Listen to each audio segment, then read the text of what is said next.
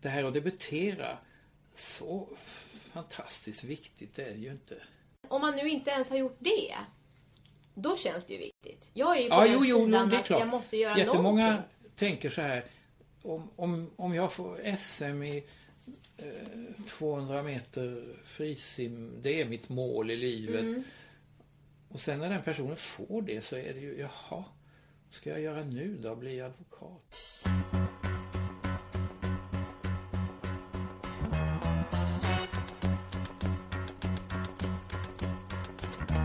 Den här podden handlar om vår kamp att romandebutera. Om allt det där som är före det glammiga. Allt slit. Ångesten. Hur vi kämpar vidare genom regnet och refuser och fortsätter redigera, trots blodsmak i munnen. Vi pratar om hur man ska våga tro på sitt projekt och på sig själv, även när ingen annan gör det. Det är jag som är Nina De är. Och det är jag som är Johanna de Valiant. Och vi tänker debutera. Eller dö. Tumble out of bed and I stumble to the kitchen. Pour myself a cup of ambition and yawn and stretch and try to come to life.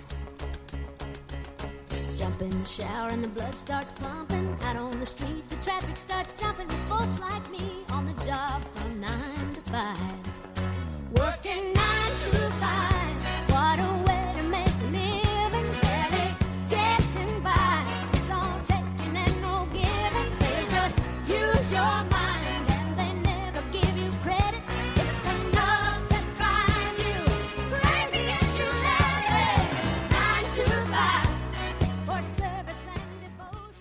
Hanna, nu ska jag läsa upp ett brev för dig. Tjoll fotspecialisten. Jag har två fötter. En är något större än den andra. Den foten kan prata. Den foten säger alltid sanningen. Jag vill att den foten ska vara tyst. Jag vill att ni opererar bort den. Jag kommer till er 10 januari klockan 10. Jag har med en egen påse att lägga foten i. Vi ses. Hälsningar Erik Eriksson. Och sen har då Scholl fotspecialisten svarar. Vi har mottagit ditt brev angående era fotproblem. Eftersom vi inte utför några som helst behandlingar här i Solna rekommenderar vi er att vända er till Karolinska sjukhuset i Solna istället med era problem. Med vänlig hälsning SSL Healthcare Sverige AB. Precis så här tycker jag att det är att skicka in manus till förlag. Man har en fot som pratar, som man vill bli av med. Den måste få ett nytt liv någon annanstans. Och det är en akut situation. Man vill att någon tar hand om den. Ja, Förbarmar sig. ja. Och det som händer är att man får ett brev som är Vi har tagit emot ett brev om era fotproblem. Så att situationen, den förblir olöst och ens, ens försök att blotta sig och bli av med någonting, det gick ju inte. Nej, man får ingen empati utan det blir ett sånt här formellt artigt svar. Ja, Ingen exakt. förstår att man är i nöd. Och det här brevet jag läste och svaret, det kommer från en bok som heter Korrespondens av Erik Eriksson. Och jag tycker att den är tröstande att läsa för alla som kämpar med refuseringsbrev. Men eh, din pappa, Karl-Johan De Geer, visst har han fått helknasiga refuseringsbrev? Jo, jag gick faktiskt hem till pappa för att fråga honom lite mer om eh, vad han minns om han, hur han, när han har blivit refuserad. Mm, han har lite erfarenhet. Ja, vill du höra vad han sa? Gärna. Jag minns många refuseringsbrev som jag fick, speciellt på, på början av 80-talet när jag hade en period där jag började skriva rätt så mycket och, och skickade iväg. Och då, på den tiden så brukade man bara skicka till ett förlag. Först till det förlag där man tidigare hade varit utgiven. Det ansågs att man skulle vara trogen sitt förlag. Man skickade till ett förlag, sen fick man vänta. Det kunde ju gå tre, fyra månader. Och så fick man ett svar som ofta var som ofta var så här. Ja, det här är ju ett verkligt mästerverk. Tyvärr har vi just på ett möte just igår bestämt oss för att sluta ge ut skönlitteratur och bara ge ut facklitteratur. Det var ett bokförlag i Göteborg som heter Korpen som skrev det brevet. Eller på ett annat förlag så ja, det här är nog för stort. Vår PR-avdelning kan inte klara av ett så här stort projekt. Eh, och den typen av... Men hur mycket av det tror du de menar då? Eller är det bara Alltså det, på? Det är lite obegripligt. Om man skulle säga till dem, det gäller både, både, både förläggare och kritiker, att ni har en väldig makt, så förnekar de ju absolut det. Vi har ingen som helst makt, det är vi som är offren här i det, hela det här systemet. Anser ju de. Så att det, Alltså jag förstår ju att det måste vara Men- jobbigt att få väldigt mycket manus. Ja, det sägs ju att det varierar siffran men i, under så många år sedan jag har hållit på så har man hela tiden sagt ungefär samma siffra att ett stort förlag får mellan 1000 och 2000 manus Mm. obeställda. Jag tror att det är 3000 nu till och med. Ja, och av det så ger de bara ut typ två, eller alltså Ja. en otroligt liten promille. Det rör sig inte om procent utan promille. Mm. Ja du Nina, det där är tuffa bud. Och det är därför som en sån här liten skärva av hopp som ett ganska positivt refuseringsbrev blir någonting man hänger sig fast vid som en lian. För att det verkar ju helt sinnessjukt annars att fortsätta. Ja, men du kan väl berätta om hur det var för dig? Jag fick ju en ganska positiv refus, tyckte jag själv, för eh, ett tag sedan. Som var ett förlag som, ja, ett av Sveriges största som skrev att eh, de gärna läste igen och tyckte jag hade en unik röst, driv, framåtrörelse. Det var en eh, bra historia, men just nu så skulle de inte ge ut den. Men de läser gärna igen och, eller om jag vill skicka något annat.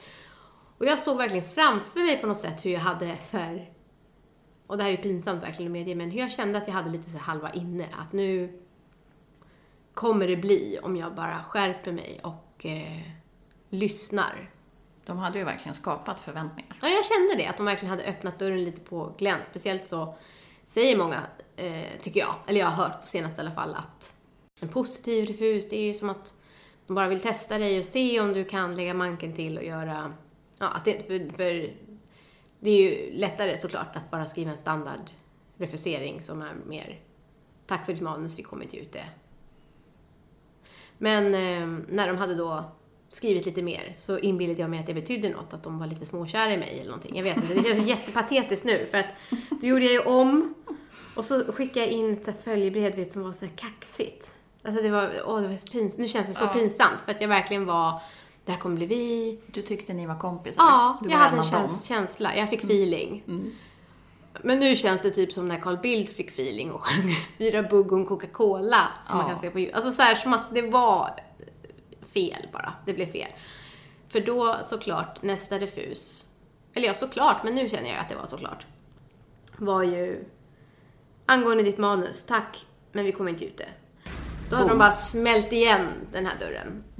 Och jag bara tittar nu på det där följebrevet jag skrev och bara, vad håller jag på med? Hur kunde jag ens tro att det här skulle bli antaget?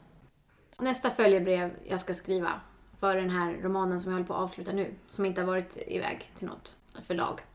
Där ska jag bara vara ödmjuk, inte kaxig. Eller bara livrädd.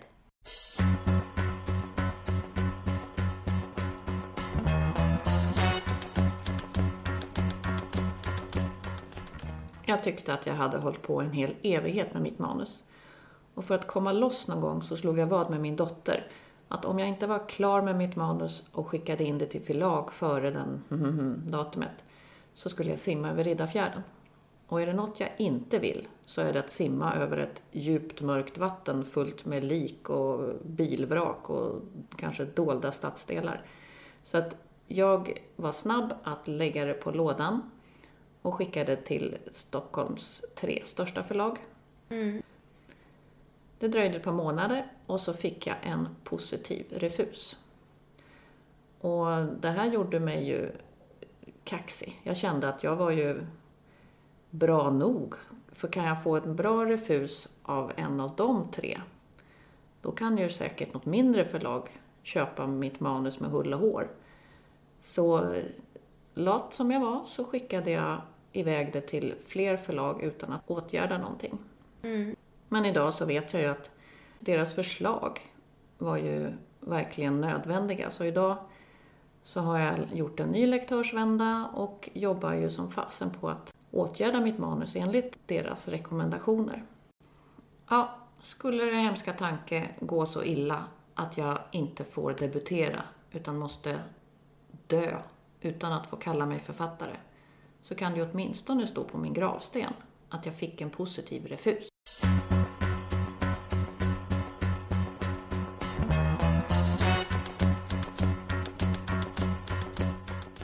Om det är ens högsta önskan om man får en positiv respons så är det klart att man vill tro. relationen man har med förlag, det är lite som sån här kassa, trevande försök när man var yngre att skaffa en partner. När någon har stått och snackat med en hela kvällen och fått en att tro att de är intresserade. Och sen när man då lägger in ett move, då är det bara sån här cold shoulder och bara, vad fan trodde du? Vem, vem tror du att du är? Och så står man där och känner sig jättedum med så bankande hjärta. Och så får man göra som Robin och fortsätta dansa för sig själv ungefär.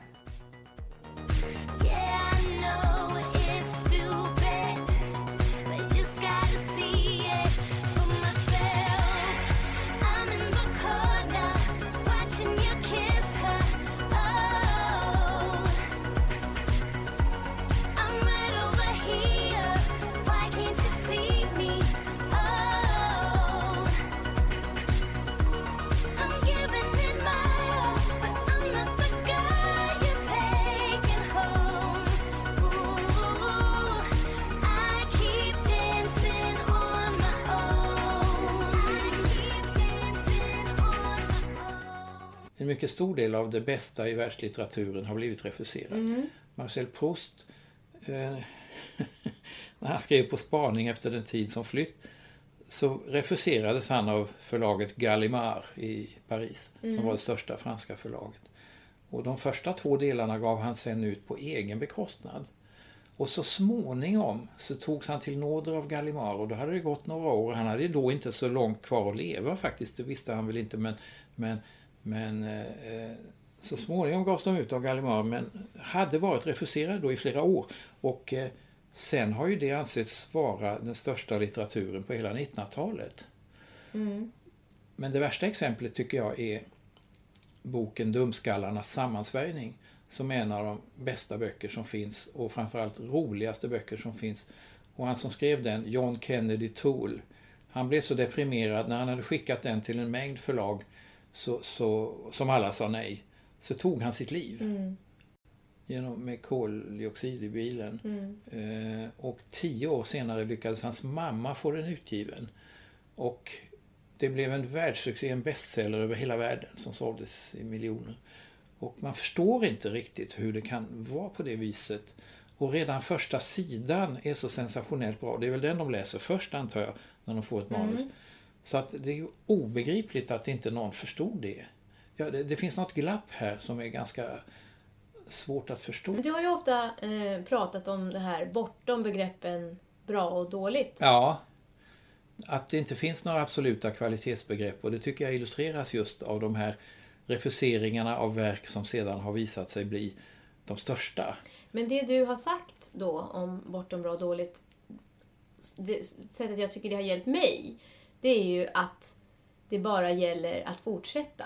Ja, Oavsett om det är bra eller dåligt, för det Ja. kan ingen veta. men man måste ju hitta någon supporter, någon som är på samma våglängd som tycker det är intressant. Man måste hitta någon som tycker att man är värdefull. Hitta någon som tycker man är värdefull helt enkelt. Ja, medan man är i livet. Mm, inte som den här stackars John Kennedy Toole. Nej, han fick ju Pulitzerpriset 11 år efter sin död, när mamma hade fått ut boken. Men det är så en himla sorglig historia. Usch ja, han ville verkligen debutera. Men vad är ditt råd då till folk som är Jag före vet. ett bokkontrakt? Ja, men mitt råd är att kontakta alltså, udda förlag. Som, det finns ju rätt framgångsrika småförlag i massor. De stora förlagen, om du tar Albert Bonniers förlag, där jag nu är för, för övrigt refuserad igen. Så nu är jag nere på de här små, udda småförlagen igen. va. Ni hade en kort eh, Jag hade en kort succéperiod 2008 som upphörde. Jag brukar citera Heidi Klum i Project Runway som Ja. säger Designers, one day you're in, the next day you're out, auf Wiedersehen. Så känner jag att det är för mig Albert Bonniers förlag. Det är, det är ganska underligt för den där boken jag gav ut 2008 eh, såldes ju faktiskt över 25 000 exemplar och, och, och var en stor succé på bokmässan det året och sådär. Böckerna tog slut och det blev, när jag skulle signera på bokmässan fanns det inga böcker och då skickade de runt en taxi som hämtade upp alla böcker som fanns på bokhandlarna i Göteborg. Eh, och, och det vart liksom en succéröra kan man säga mm. av detta. Men sen har de släppt mig som en het potatis.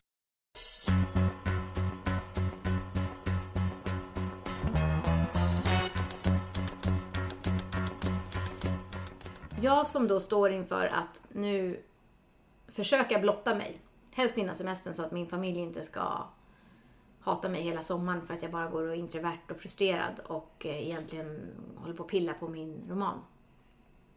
Ska försöka mm, lämna iväg den nu innan sommaren.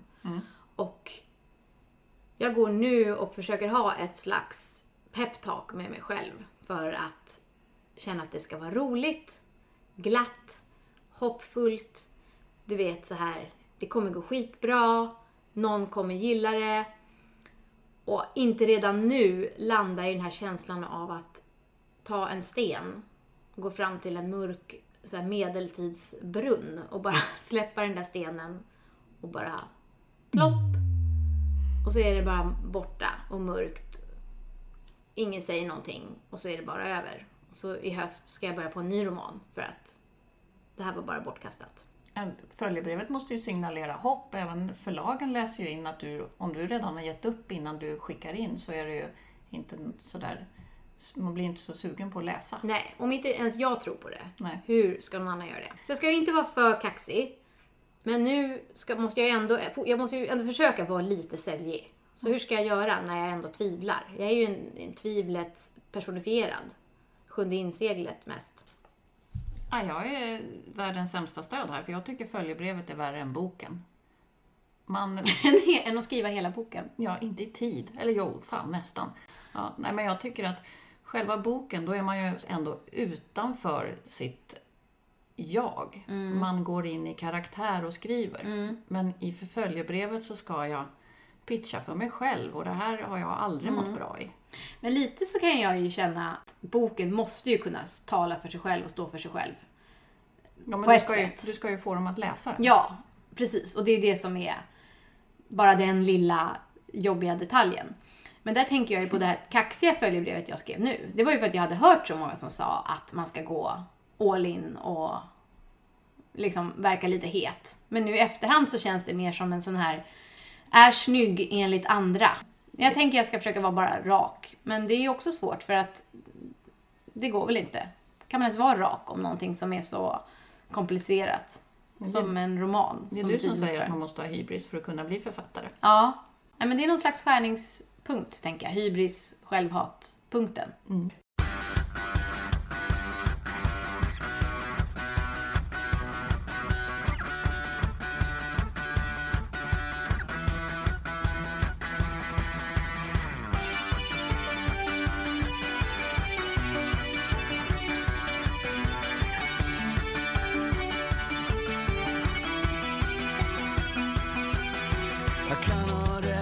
Sekunderna som gick mellan ljuset och åskans dån.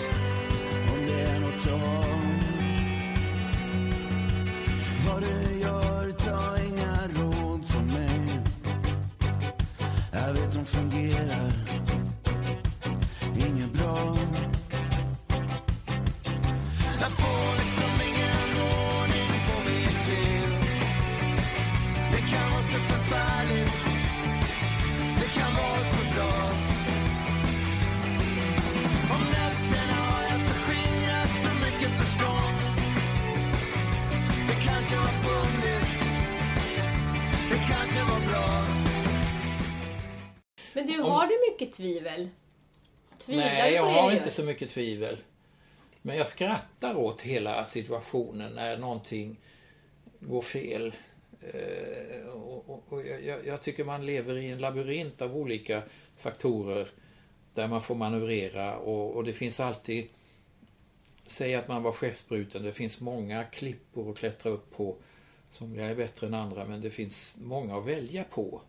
Så jag har ju tyckt i mitt fall att jag har blivit har jag själv tyckt då kanske utfrusen från en viss typ av konstnärskap. Ingen gallerist har velat ha det jag målar eller eh, inget förlag har velat ge ut det jag skriver. Ja, men då har jag valt en annan, eh, något annat.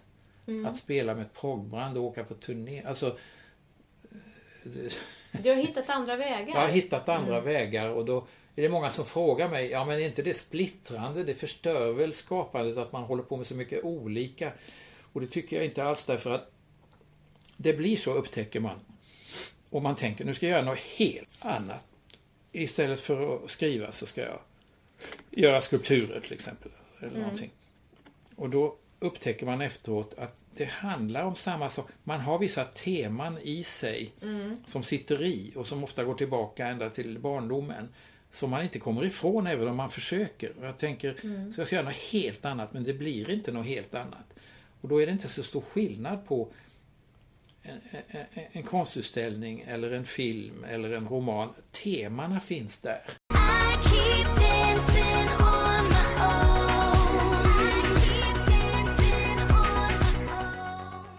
Man får en idé, sen börjar man arbeta med den.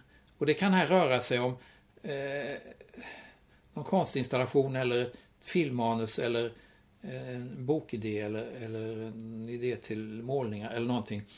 Sen plötsligt börjar man tvivla och tänka, nej, håller det här verkligen? Nej, jag måste göra om idén. Och det är då man ska inte göra om idén utan hålla fast vid den första idén man hade.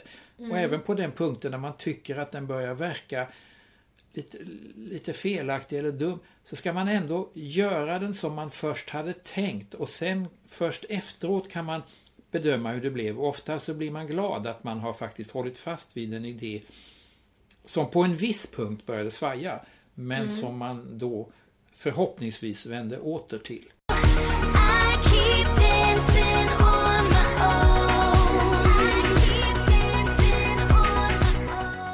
Herregud Nina, det känns som jag gått på kokain idag. Det är inte värt vi säger mer, utan vi behåller Karl Johans betryggande lugn. Ja, nu är det slut. Men så länge, gör eran grej. Våga dansa själv. Skriv som om det gällde livet så hörs vi igen.